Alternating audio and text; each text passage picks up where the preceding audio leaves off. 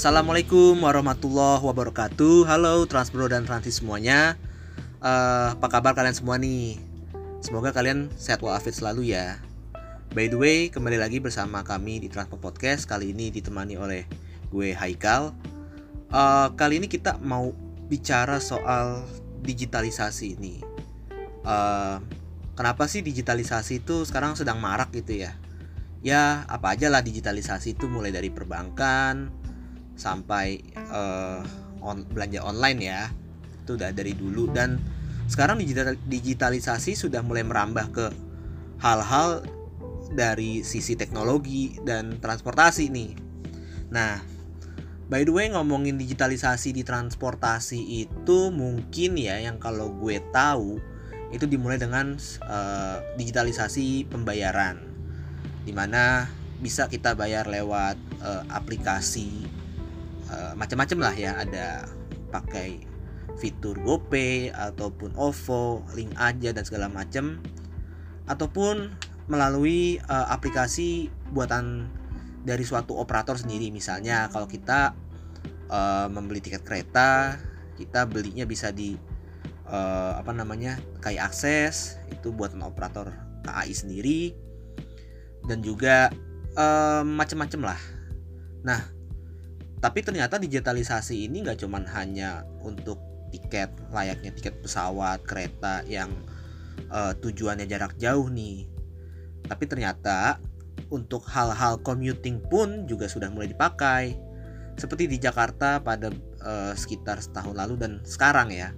Sampai sekarang itu sudah ada aplikasi Jaklingko di mana uh, aplikasi tersebut selain uh, menjadi sistem integrasi aplikasi tersebut juga uh, menghadirkan pembayaran digital dengan satu kartu ataupun satu aplikasi bisa menaiki tiga moda.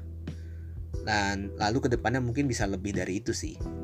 Lalu juga hmm, beberapa waktu silam gitu ya, kalau nggak salah 2021 di Bandung juga uh, sudah mulai dirintis nih um, digitalisasi pembayaran angkot melalui aplikasi Jaramba. Nah,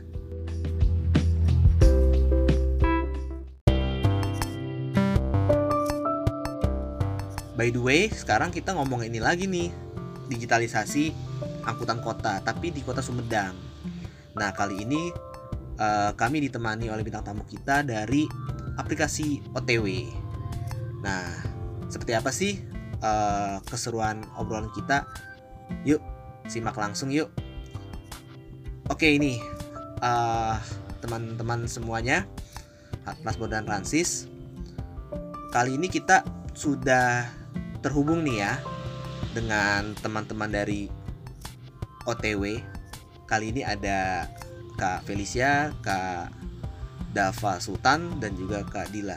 Halo, boleh say hello dong sama audiens di sini.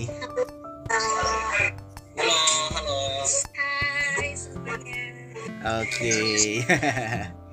Oke, oke. Eh aku mungkin mau nanya-nanya banyak nih. Uh, sekitaran Sumedang tuh angkutan kotanya seperti apa ya? Kalau boleh tahu nih, kita mulai nih ya. Gimana sih kondisi angkot di Sumedang itu kan gimana ya namanya kota Sumedang atau Sumedang kota lah ya jangan ngomong kabupatennya karena luas Sumedang kota itu kan uh, lumayan nggak terlalu besar lah ya. Kecil. Pastikan di sana angkutan umumnya sebagai tulang punggung itu adalah angkot gitu. Nah itu gimana sih kondisi angkot di sana gitu sebagai tulang punggung mobilitas warganya? Mungkin boleh dikasih tahu nih dari teman-teman OTW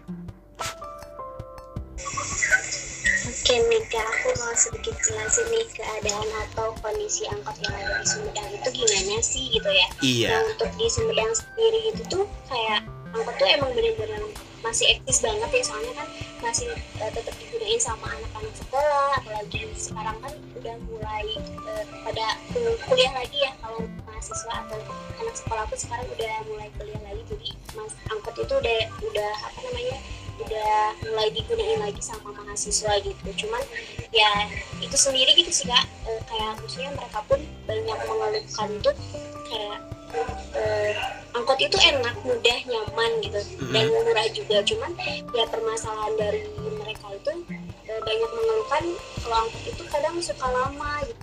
Kan kadang suka kayak ngetem-ngetem gitu sih kak. Oh oke. Hmm, berarti kondisinya itu tetap eh, nyaman ya nyaman dan murah ya cuman minusnya adalah ngetem gitu ya? Betul itu kak. Oke. Em, kalau begitu boleh tahu juga nggak sih eh, rute-rute yang angkot di Sumedang kota ya? Ataupun ya mungkin kalau misalnya ngomong Jatinangor juga boleh lah gitu. Kan masih Sumedang juga. Udah mepet Bandung sih itu eh, ada berapa aja sih eh, kalau boleh tahu tuh rute-rute angkotnya apakah eh, angkot tersebut itu menyentuh nggak sih kayak poin-poin of interest yang ada di Sumedang kayak misalnya itu kawasan wisata ataupun pasar, kawasan niaga, sekolahan sampai ke universitas gitu. Terus juga kan kalau yang aku tahu ya Sumedang itu tuh ada kayak hub hub poin besarnya itu kan di terminal Ciakar setahu aku ya. Nah itu apakah ada kayak semacam ya dari starting point angkot-angkot situ apakah dari terminal Ciakar situ ke seluruh penjuru kota Cianjur? Atau ya mungkin dari Cilenyi ke sekitaran Cianjur atau nggak tahu lah mana lah Eh, seperti itulah. Mungkin boleh dijelasin nih Kalau untuk umum yang ada di Sumedang itu sendiri, ya eh, itu ada 26 tipe nih kak. Dan wow kalau total armadanya itu kurang lebih ada eh, 1000 ah, cuman eh, menurut Pisub itu yang emang masih beroperasi dan masih terdaftar itu kurang lebih ada 890 angkutan. Nah hmm, untuk rute-rute itu sendiri pun eh, sangat-sangat mencakup point of interestnya banget. Karena soalnya kan kayak banyak banget angkutan umum yang kayak misalkan ada rute angkutan 07 misalnya terus ada 01 ada eh, kemudian ada angkot yang eh, angkot 58 nah itu tuh benar-benar kayak mereka tuh lewatnya tuh ke, ke pasar kemudian ke tempat-tempat wisata. Dan juga eh, yang paling utama kan ke tempat sekolah ya karena kan emang kebanyakan kan hmm, angkutan umum itu sekarang eh, anak sekolah gitu. Nah jadi kayak eh, untuk rute-rute itu pun itu pun kayak maksudnya rutenya itu udah banyak dan eh, bisa memenuhi of interest gitu. Gitu sih kak. Oke. By the way juga ada keunikan-keunikan nggak sih dari angkot di Sumedang nih? Kan kalau misalnya kita lihat di eh, Jakarta ya Jakarta paling cuma warna biru telur asin sama merah. Terus kalau di Bandung lebih unik-unik lagi dilihat dari warna-warni operator angkot atau ya koperasi angkot gitu kalau Bogor lihatlah eh, misalnya bagian bawah angkot apakah warna warna pink warna macam-macam lah itu menentukan rute. Ah, jadi kalau di Jakarta lebih ke nomor terus kalau di da- daerah Jawa Barat seperti Bogor dan Bandung itu warna angkot dan Sumedang apa nih keunikannya nih? Nah kalau di Sumedang itu lebih ke ini sih kalau misalkan lebih ke nomor angkotnya ya. Nomor ya? nomor- iya nomor angkotnya. pun kayak sama dengan warnanya gitu jadi kayak hmm, macem-macem banget. Pokoknya warnanya ada yang merah ada yang hijau kemudian ada yang coklat. Kalau yang daerah kota itu kebanyakannya angkot-angkot yang warna coklat kuning sih. Tapi kalau yang kayak kan angkotnya itu ada yang angkot desa gitu ya kak. Ada Iya. angdes gitu. Nah Ah. kalau angdes itu sendiri kayak ada yang hijau kemudian ada yang merah. Pokoknya macem-macem banget sih kak. Kayak eh, apa namanya kayak warnanya pun kayak menentukan rutenya juga gitu oke oke berarti sama-sama unik ya Eh, Iya. warna main banget nih di sini sama kayak di Bandung lah kurang lebih ya iya Iya ya mungkin rata-rata di Jabar begitu sih ya selain yang non Bodetabek ya atau Detabek. Em, lalu kalau boleh tahu juga kan nih eh, keberadaan angkot nih eksistensinya juga masih dipertahankan ya. Tapi udah mulai ini nggak sih? Kan sekarang tuh ya harga BBM naik ya. Dan juga itu ngaruh banget ke angkot-angkot naikin harga juga gitu. Naikin tarif. Baik itu yang tadinya uh, sekitar 2000 bisa jadi 3000 ataupun bisa lebih dari 5000 gitu loh.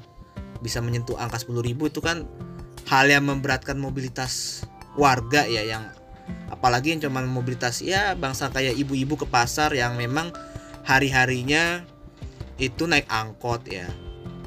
Tapi sekarang gara-gara mahal ya mau nggak mau ya kayak misalnya dianterin uh, melalui angkutan pribadinya kendaraan pribadi seperti motor segala macem. Dan itu pun kalau naik angkot um, apa ya sayang di ongkosnya lebih mahal daripada belanjanya bisa jadi gitu loh. Nah apakah dari misalnya nih September kemarin kan BBM naik terus makin ke sini tuh apakah penggunaan angkot di sana semakin menurun kah?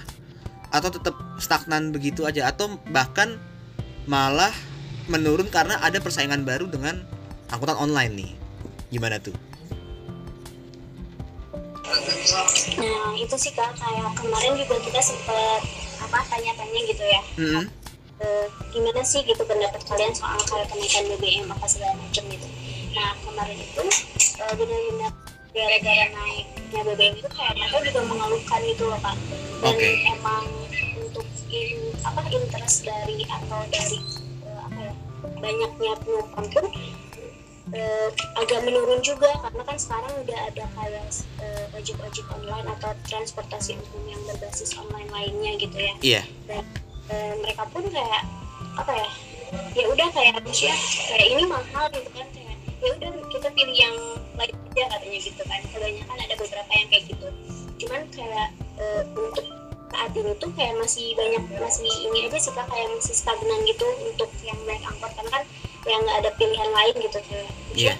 angkot masih tetap ya meskipun naiknya agak signifikan gitu ya kak tapi kayak mereka masih tetap uh, ingin pakai angkot sih kak gitu. hmm, tetap mempertahankan ya yeah, gitu. wah keren sih berarti berarti ridershipnya tetap ya stagnan ya ataupun bisa dibilang uh, fluktuatif iya gitu oke okay.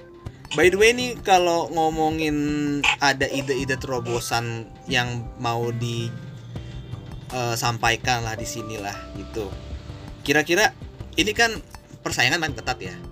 Kita nggak bilang kondisi angkot itu menjadi terpuruk atau gimana. Bahkan mungkin sebenarnya bisa digiatkan kembali gitu. Kan belakangan ini nih kemarin kemarinan ya awal Desember itu pemerintah pusat ya melalui Kemenhub tuh melakukan uh, kampanye GNKAU Gerakan Nasional Kembali ke Angkutan Umum.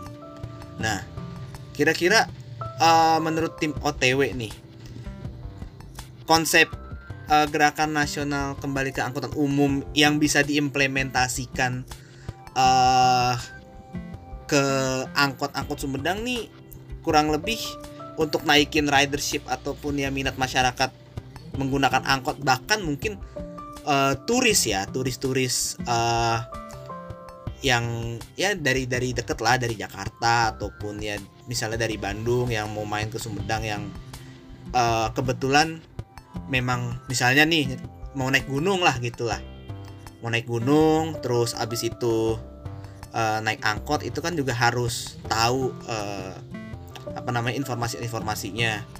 Kira-kira nih dari tim OTW ini ada ide pembaruan apa nih uh, terkait mungkin informasi wayfinding kah ataupun uh, program digitalisasi angkot untuk menaikkan minat masyarakat kah ataupun ya lebih kayak men melakukan advokasi ke apa namanya pemerintah daerah di sana untuk lebih uh, membangkitkan apa namanya kinerja angkot gitu.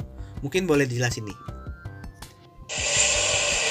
Oke, untuk solusinya dari kita so mengenai permasalahan-permasalahan yang sebelumnya gitu ya kak. Hmm. Nah, untuk solusi kita tuh ya, kita apa ya merencanakan beberapa fitur nih kak di, di apa di idenya kita gimana nanti itu angkot itu bisa antar barang juga dan juga eh, di platformnya pun nanti bakalan eh, bisa tahu Eh, mm-hmm. informasi-informasi mengenai wisata yang ada di kota Sumedang gitu. Jadi Wah, keren.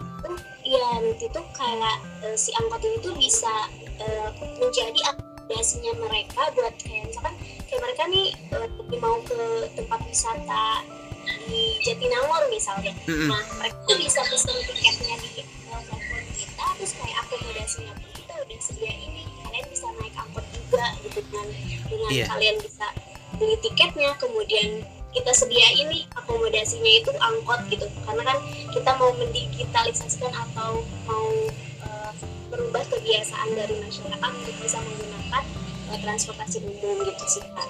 Hmm. Nah untuk uh, solusi kita tuh itu dan kayak uh, apa ya kita juga nantinya tuh kan akan bekerja sama dengan UMKM juga gitu sih kak.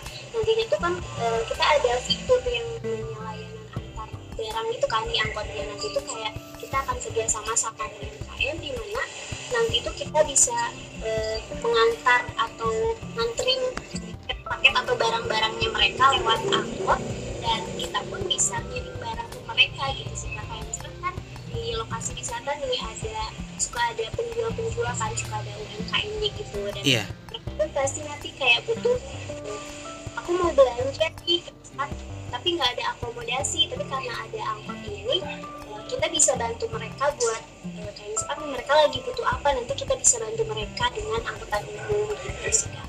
Hmm oke. Okay. Menarik aku menarik. Mungkin, aku mungkin mau tambahin kali ya kak. Boleh boleh dong. Oke, okay, jadi karena uh, kan pemerintah sekarang lagi gencar-gencar banget nih buat naikin uh, minat masyarakat untuk naik uh, transportasi umum lagi. Iya. Nah, sama juga kayak kita, kita juga ada keinginan nih supaya uh, supaya masyarakat di Indonesia itu bisa uh, bisa lah uh, kita ngurangin kendaraan bermotor pribadi jadi kita mulai naik transportasi umum hmm Selain itu kan dari naik transportasi umum juga kita bisa uh, kontribusi nih ke lingkungan karena ngurangin gas emisi juga. Nah terus dengan adanya itu, uh, dengan adanya keinginan untuk menggerakkan minat dari masyarakat ini pasti kan masyarakat juga pengen kalau misalnya transportasi umum yang mereka pakai itu harusnya nyaman aman sama mereka juga. Jadi uh, dengan goalsnya ini kita uh, punya ide nih yang tadi yang tadi dijelasin sama uh, rekan aku.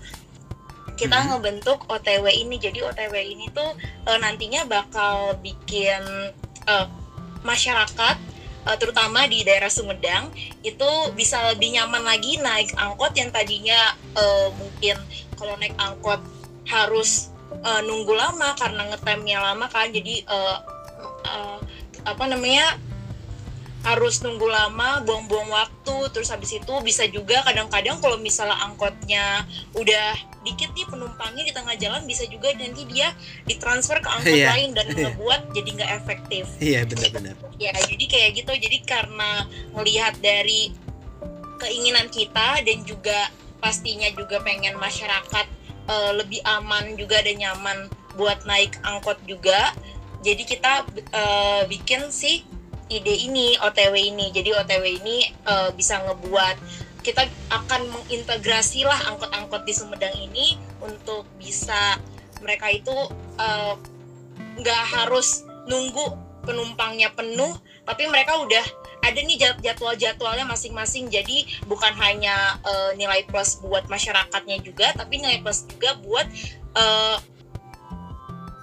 abang-abang tongkang angkotnya jadi mereka nggak perlu mikirin khawatir mikirin oh uh, hari ini harus sesuai target nih harus penuh-penuhin angkotnya supaya nanti target uh, omset hari -hmm. ini tuh bisa dibayar buat cicilan dan lain-lain jadi itu nggak -hmm. ada nggak ada sistem-sistem kayak gitu lagi karena nanti sistemnya itu uh, OTW ini kita bakal uh, sistem gaji gitu ke okay. tukang angkotnya kayak gitu wow wow itu bagus sih itu sebuah uh, masterpiece yang ba banget ya. Kenapa uh, sekarang juga aku juga mau jelasin kenapa sih masih ada sistem setoran gitu yang bikin gak efektif ya dalam sistem angkot. Apalagi angkot ini kan layaknya di kota-kota kecil seperti Sumedang juga itu kan jadi backbone-nya. Dan juga bikin menurunkan ridership di angkot tersebut karena ya sistem masih setoran itu bener sih tapi uh, ini agak unik juga sih dari yang dijelasin oleh Kak Dila ya. Hmm, ada uh, fitur-fitur yang cukup unik sih ya, pernah aku denger gitu ya. Kalau misalnya tadi dijelasin oleh Kak Feliciani tentang apa namanya uh, supirnya itu digaji layaknya by the service uh, angkot ini mungkin nggak nggak usah jauh-jauh ngomong by the service ya tapi uh, ada sistem gaji yang pokok lah yang berkelanjutan yang itu uh, menghilangkan uh, muka ataupun wajah informalitas pada supir angkot gitu ya. Itu bagus sih dan udah diimplementasikan di Jakarta. Nah tapi yang uniknya ini nih kayak ada on demand tuh bisa pesen angkot tuh bisa antar barang dengan angkot nih uh, cukup unik nih. Belum pernah aku aku denger nih. Emang bisa ya angkot itu on demand kayak layaknya uh, antar jemput yang ride hailing gitu ya. Kan dia itu kan bukan seperti angkutan para transit gitu. Dia kan angkutan transit yang uh, bisa dibilang tuh dia punya rute yang khusus dan ya muter-muter aja di rute tersebut gitu. Dan juga konsep uh, bisa bawa barang nih sebenarnya sih kayak konsep ini ya angkot-angkot konvensional yang tiba-tiba di charter misalnya kayak di Jakarta angkot-angkot yang masih reguler ya non mikrotrans itu di charter. Misalnya bawa ondel-ondel ataupun bisa bisa jadi bawa barang dari pasar ke suatu tempat di charter segala macam apakah begitu kurang lebih nih uh, yang mau diterapin sama uh, eh, OTW mungkin boleh dijelasin lagi nih lebih lanjut nih. Soalnya seru banget nih untuk jelasin nih. Oke jadi itu kalau ini ya hmm. kalau izin menjawab juga jadi kalau misal kita bicara tentang OTW itu tuh bisnisnya benar-benar kayak kompleks banget gitu loh iya yeah, nah ya jadi kan uh, dari awal tuh ide kita tuh dari yang sederhana dulu cuma angkutan umum berbasis digital gitu lama-lama kita itu bicara mengenai apa sih branding yang pas buat OTW ini sehingga nanti OTW itu bisa beda dari uh, kompetitornya gitu kak. Hmm. Nah kita juga sempat riset kan kalau kita bicara branding kita tuh harus ngomongin dari awal oh ini proposalnya yang mau di, diajuin yang kayak gimana nanti kalau udah jadi aplikasinya gitu. Terus juga uh, jadi tiap mitra yang kita ajak kerjasama itu harus ada brandingnya masing-masing kak. Jadi kalau bicara bicara branding ya misal kalau kita uh, mau membantu uh, mau membantu program kerja dari dinas misalnya dinas lingkungan gitu kita kita tuh jadi harus membicarakan atau memberikan fitur mengenai uh, emisi karbon gitu. Lalu untuk uh, eh, UMKM gitu kan, kebanyakan kan juga pengguna angkot Indonesia itu uh, dari UMKM juga ya kak ya. Jadi kita juga menyediakan uh, mengenai jasa antar barang tadi kak. Terus untuk anak muda nih, kan anak muda tuh lagi senang-senangnya apa ya? Pakai internet, terus buka HP gitu. Yes. Nah kita juga mikirin tuh apa sih hal yang yang bisa kita apa ya kaitkan dengan anak muda terkait dengan angkutan umum gitu. Lagian juga kita kan kalau kalau kita lihat di realitanya ya anak muda tuh jarang banget pakai angkutan umum. Makanya kita tuh membranding buat anak muda kalau uh, angkutan umumnya itu memakai GPS gitu. Jadi kita itu bisa uh, apa ya melihat angkot tersebut sedang ada di mana okay. atau sedang lokasi berada, berada di mana, berapa menit lagi kita akan tiba gitu. Jadi itu sih yang bisa uh, kita berikan gitu biar kita tuh beda dengan kompetitor kita gitu. Nah tadi kan terkait uh, sistem pelayanan dan uh, antar barang tadi kan, mm-hmm. itu sebenarnya kita itu bisa itu tuh bisa dilakukan gitu. Okay. Kalau uh, kalau kakak tahu, jadi kan kalau angkot itu kan angkot itu tidak tidak kecil tidak besar ya, jadi ukurannya tuh yeah. uh, relatif sedang gitu. Nah di atas angkot itu ada yang ada yang namanya apa ya? Uh, Ada yang namanya besi buat uh, oh. naruh barang gitu oh, kan. Yeah. Kalau kalau dulu di daerah uh, daerah sini gitu hmm. atau daerah Sumedang itu uh, mungkin sekitar 15 tahun ke belakang orang naik angkot itu pasti di atas itu ada barang-barang untuk uh, bawa barang dari orang yang naik angkot tersebut hmm. benar kan kak? Hmm, oke okay, oke. Okay. Nah menarik, jadi menarik. dari dari hal tersebut kita mikir oh kalau gitu gimana sih kita kalau bikin uh, orang tuh bisa bawa barang lagi kayak kayak 15 tahun yang lalu tapi uh, kita itu uh, orang yang pesen jasanya tersebut nggak harus ke angkot gitu kak jadi bisa pesen lewat aplikasi hmm. dan kita tuh tinggal ambil barang dan nurunin barang gitu kak oh berarti movernya itu dari angkot gitu ya ya betul angkot betul. sebagai mover aja gitu ya mover mover barang gitu ya hmm. Hmm, menarik sih jadi di sini peran angkot nggak cuman ini ya nggak cuman uh, angkutan penumpang aja tapi bisa angkutan barang sekalipun ya. Meskipun agak-agak masih agak rumit sih untuk dibayanginnya uh, bagaimana untuk kayak model dropshipper segala macamnya itu ya. Tapi at least ini ide yang bagus banget. Ini uh, keren dan kayak breakthrough banget lah untuk uh, digitalisasi mobilitas ataupun digitalisasi angkutan umum ya by the way ini kalau juga mau boleh tahu nih tadi kan yang dijelasin tuh seperti kayak hal-hal uh, yang melatar belakangi merintisnya aplikasi OTW ini ya. Nah uh, tapi ini aku juga mau nanya ya. Menurut kalian nih kenapa sih uh, kayak misalnya nih digitalisasi melalui apps gitu baik itu ya pembayaran pemesanan uh, angkutan umum itu perlu dilakukan gitu ya. Apakah program tersebut tuh nggak memberatkan masyarakat gitu. Misalnya kan kalau dulu ya 2021 aku pernah uh, melakukan campaign dengan uh, salah satu uh, apps di apps uh, di Bandung yaitu Jaramba ya. Kita sebut saja lah namanya kita uh, saling ngobrolin lah di sini. Itu kan uh, dia melakukan QR code ditempel di mana di angkotnya di kaca angkot lalu scan dan langsung bayar gitu via kiris gitu ya atau pula ya kalau tidak ada ya pakai uh, uang biasa gitu apakah konsepnya yang akan dirintis untuk digitalisasi pembayaran seperti itu ataupun kayak layaknya bayar dulu uh, baru baru kita datang nih angkotnya kayak layaknya uh, pakai Gojek gitu. Mungkin boleh jelasin.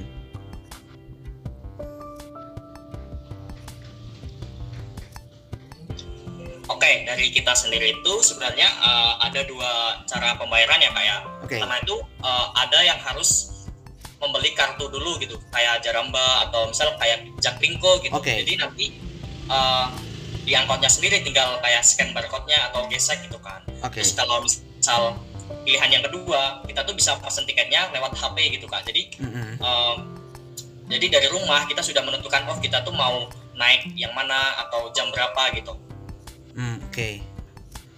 berarti uh, misalnya uh, layaknya aplikasi Jaklingko ya. Misalnya dari sini ke sini naik apa aja modanya apa aja. Nah ini sama itu naik angkot rute apa sambung rute angkot apa tapi udah dibayar udah dibayar duluan dan tinggal menunjukkan bukti pembayaran atau ya mungkin layaknya di scan lah ya di salah satu angkotnya gitu sebagai bukti oh sudah bayar gitu ya kurang lebih kayak gitu ya Iya benar banget. Wah unik unik. Jadi nggak harus bayar uh, begitu masuk langsung bayar begitu masuk langsung bayar ya. Jadi lumayan terintegrasi ya integrasi antar rute antar koridor ya. Cukup unik sih. Um, lalu kalau juga boleh tahu nih gimana nih kalau untuk apa namanya uh, masyarakat-masyarakat yang bukan milenial nih yang udah ibu-ibu itu gimana untuk mensosialisasikannya nih? Oke, tapi sebelum ngomong kayak masyarakatnya ya kayak misalnya kayak mm-hmm. masyarakat yang naik gitu dia tuh harus ngomong masyarakat uh, ibu-ibu tadi atau maksudnya generasi uh, umur yang 40 ke atas yang mau naik gitu ya kayak. Iya deh kita tuh lihat dari SDM dari Sumedang gitu sebenarnya okay. kita tuh bikin uh, eh, OTW ini mm-hmm. karena banyak banget keresahan-keresahan di Sumedang gitu kak misalnya okay. dari kayak keamanan angkot sendiri gitu kalau kita lihat dari SDM yang uh, umur 40 ke atas itu benar-benar yeah. angkot itu benar-benar gak aman kak jadi kalau kakak apa ya kayak searching di Google gitu angkot Sumedang kondisi gitu mm-hmm. jadi yang yang masalahnya tuh bukan dari angkotnya tapi dari uh, SDM-nya sendiri kak misal dari sopirnya gitu yeah. sopirnya tuh di daerah Sumedang itu karena mungkin uh, Sumedang sendiri tuh kota tapi itu nggak nggak kota-kota banget gitu jadi yeah. jalanannya tuh terkadang terkadang masih apa ya masih banyak lika-likunya gitu loh mm-hmm. nah itu di tiap hari bukan tiap hari sih hampir tiga bulan sekali atau berapa itu pasti uh, atau beberapa bulan sekali itu tuh pasti ada aja apa ya kecelakaan di daerah Sumedang gitu kak dari uh, sopirnya sendiri gitu. Oh iya, ingat-ingat itu ada tuh. Uh, iya kan? Iya. Yeah. Uh, alasannya tuh karena ngantuk atau apalah yeah. nah OTW ini maka maka dari itu OTW tuh kayak memberikan terobosan gitu jadi nanti sopirnya tuh bukan asal uh, sopir gitu bukan hmm. sopir angkot sebelumnya jadi itu ada kayak uh, tes tertentu nanti yang lolos baru bisa uh, jadi okay. driver dari OTW ini gitu jadi nanti ada driver license-nya gitu oh oke okay. berarti ada pelatihan dulu ya kalau gitu ya iya terus uh. juga kalau kita lihat dari uh, penumpangnya gitu kemarin itu yang baru baru baru banget nih dua bulan yang lalu itu ada ibu-ibu yang kayak uh, apa ya loncat dari angkot Sumedang tuh kenapa tuh itu beneran itu tuh dia lagi hamil terus loncat gitu alasannya karena ada orang yang nodong pakai pisau gitu oh. ya kan Oke. Okay. Oke nih, biar aku ceritain ya biar kayak asik sedikit podcastnya gitu. Oke, okay, boleh boleh aku baca-baca kan wah ini kocak banget nih dia bukan kocak juga sih tapi wah kok unik juga nih ada kayak gini di Sumedang hmm. kayak hampir beberapa bulan tuh di Sumedang ada aja kegiatan apa ya hal kayak hal-hal kayak gitu gitu terus aku searching kan ternyata kalau di Sumedang itu orang apa namanya ODGJ itu tuh bisa naik angkot gitu kan? oh, okay. nah terus maka dari itu OTW itu kayak bikin terobosan lagi nih. Oh besok kalau orang yang mau apa ya naik angkot itu kan harus install aplikasi misal. Hmm. jadi dia tuh harus ngisi data diri dan lain-lain dan keterangan sehat lah misal gitu. Jadi nggak ada kejadian kayak ODGJ naik terus nodong besok gitu kan. Oke. Okay. jadi banyak banget keresahan di Sumedang gitu. Nah untuk terkait bagaimana sih cara menggait uh, ibu-ibu atau generasi apa ya namanya boomer gitu ya kak ya? Hmm. boomer agar naik OTW ini gitu. Jadi kita tuh ada dua metode promosi ya kayak ya. Yang pertama itu dari Instagram yang kedua itu ada dari Facebook gitu.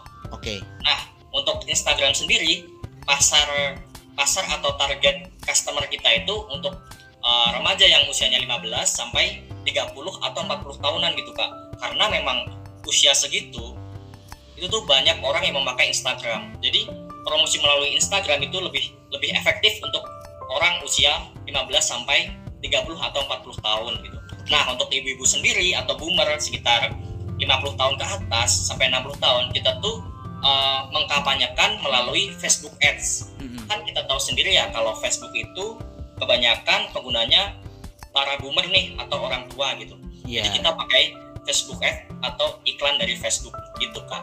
Oke. Okay. Oke, okay, menarik sih. Um, berarti digitalisasi ini sebenarnya nggak cuman ngebikin ngeboundaries ya. Tapi kan tetap angkutan umum ini ataupun angkutan kota ini uh, tetap di dipakai untuk segenap golongan masyarakat. Jadi nggak terbatas dan inklusif gitu ya. Uh, dan ide-idenya sih keren sih untuk merintis ini dan pasti uh, kalau aku mengharapkan ya ini ke depannya bisa lebih uh, dikembangkan lagi dan uh, mudah-mudahan tuh bisa dilirik lah bisa dilirik oleh regulator lah jadi bisa di amin, amin. bisa dikerja sama bareng gak sih bisa dikerja sama bareng lah gitu um, oke okay. uh, eh, terkait OTW ini idenya keren banget dan ya ternyata keresahan-keresahan itu nggak muncul dari ya armada atau apanya ya tapi sistematis sistematis ya kalau itu memang udah jadi apa namanya uh, pola manajerial angkutan kota di berbagai kota di Indonesia ya yaitu sistem setoran dan yang membuat supir itu menjadi ya layaknya uh, pekerjaan informal gitu. Padahal itu bisa jadi pekerjaan formal dan uh, yang seharusnya tidak memberatkan si supir. Dan yang paling utamanya lagi adalah SDM supirnya itu. Ya itu susah banget sih memang untuk mengatur dan menguji itu dan butuh waktu lama jelas. But anyway itu semua idenya bagus sih. Dan semoga bisa bisa diminati dan idenya bisa diterima di masyarakat ya gitu. Nah itu sih harapan dari kami ya transport ya kalau menurut kalian nih um, apa sih yang bisa diharapin nih ke depannya nih untuk angkot ataupun angkutan umum di Sumedang gitulah apakah uh, selain adanya aplikasi ini ataupun ya uh, secara umum aja nih uh, bagaimana ya untuk masyarakat lebih uh, mau naikin angkot lagi gitu? Mungkin boleh nih jelasin atau diberikan uh, harapannya. Sebagai closing statement lah gitu. Oke jadi gini. Apa sih harapan yang harus yang harusnya kita harapkan gitu ya? Nah jadi uh, harapan kita sih nggak jauh-jauh dari digitalisasi ya. Oke. Okay. jadi semoga deh ke depannya tuh masyarakat makin melek dengan internet gitu. Toh Amin. juga dengan internet ini uh, nanti tuh kita tuh mau ke mana-mana mudah gitu. Apalagi kalau di wilayah Sumedang ya kayak wah mau berangkat kuliah kalau pakai motor nanti habis bensin banyak nih.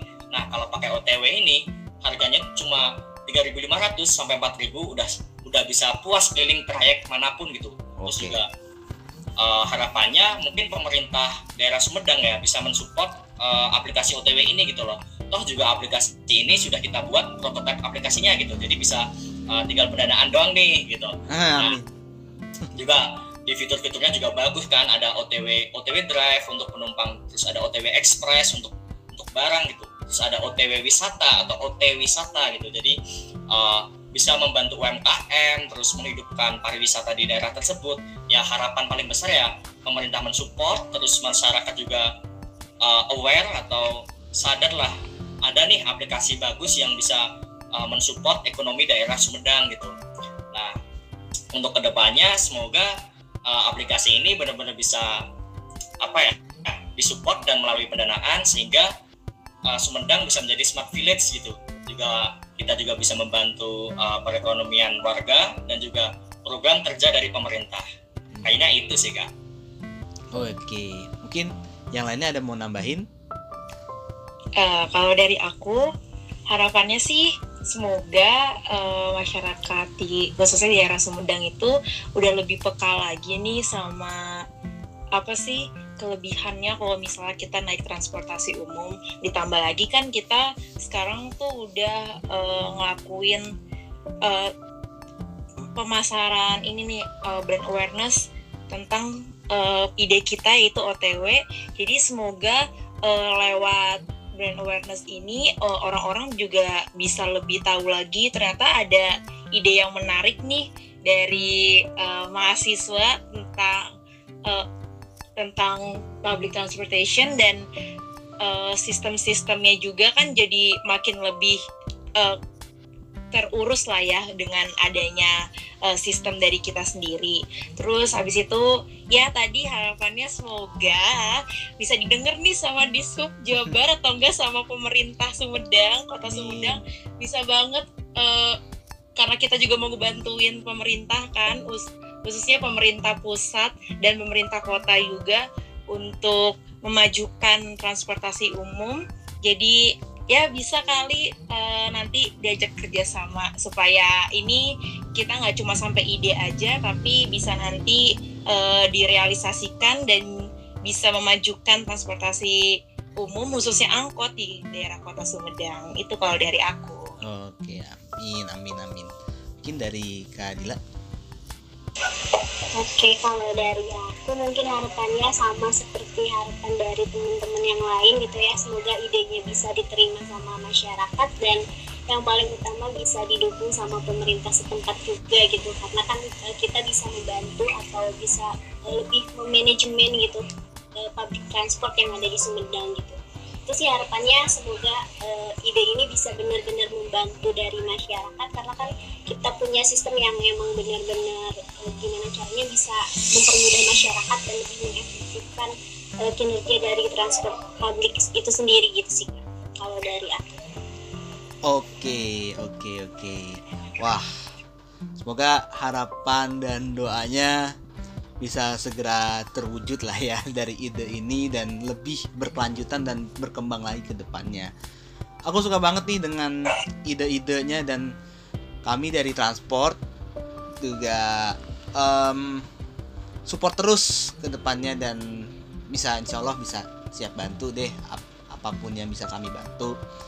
Mungkin uh, begitulah transport dan transis uh, untuk episode kali ini juga jangan lupa ya support juga nih OTW aplikasi ini. Mungkin boleh kasih tahu nggak nih IG-nya apa nih biar pada tahu nih audiens Transpro dan Rasis di sini.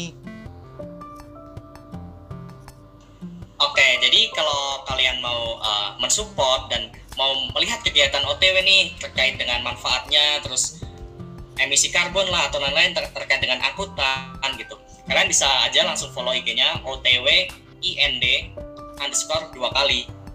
Oke. Okay. Oke. Okay. At OTW IND underscore dua kali ya. Siap siap. Iya. Oke. Okay. Ya itulah transport dan transis ya.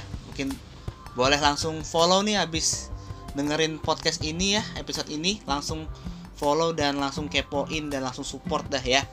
Semoga uh, biar bisa dilancarkan juga nih ke depannya nih untuk OTW nih ya. Oke, okay, transport dan transis mungkin itu saja yang bisa kami sampaikan dan terima kasih banyak nih OTW atas uh, informasi yang diberikannya. Sukses selalu ke depannya. Dan akhir kata Assalamualaikum warahmatullahi wabarakatuh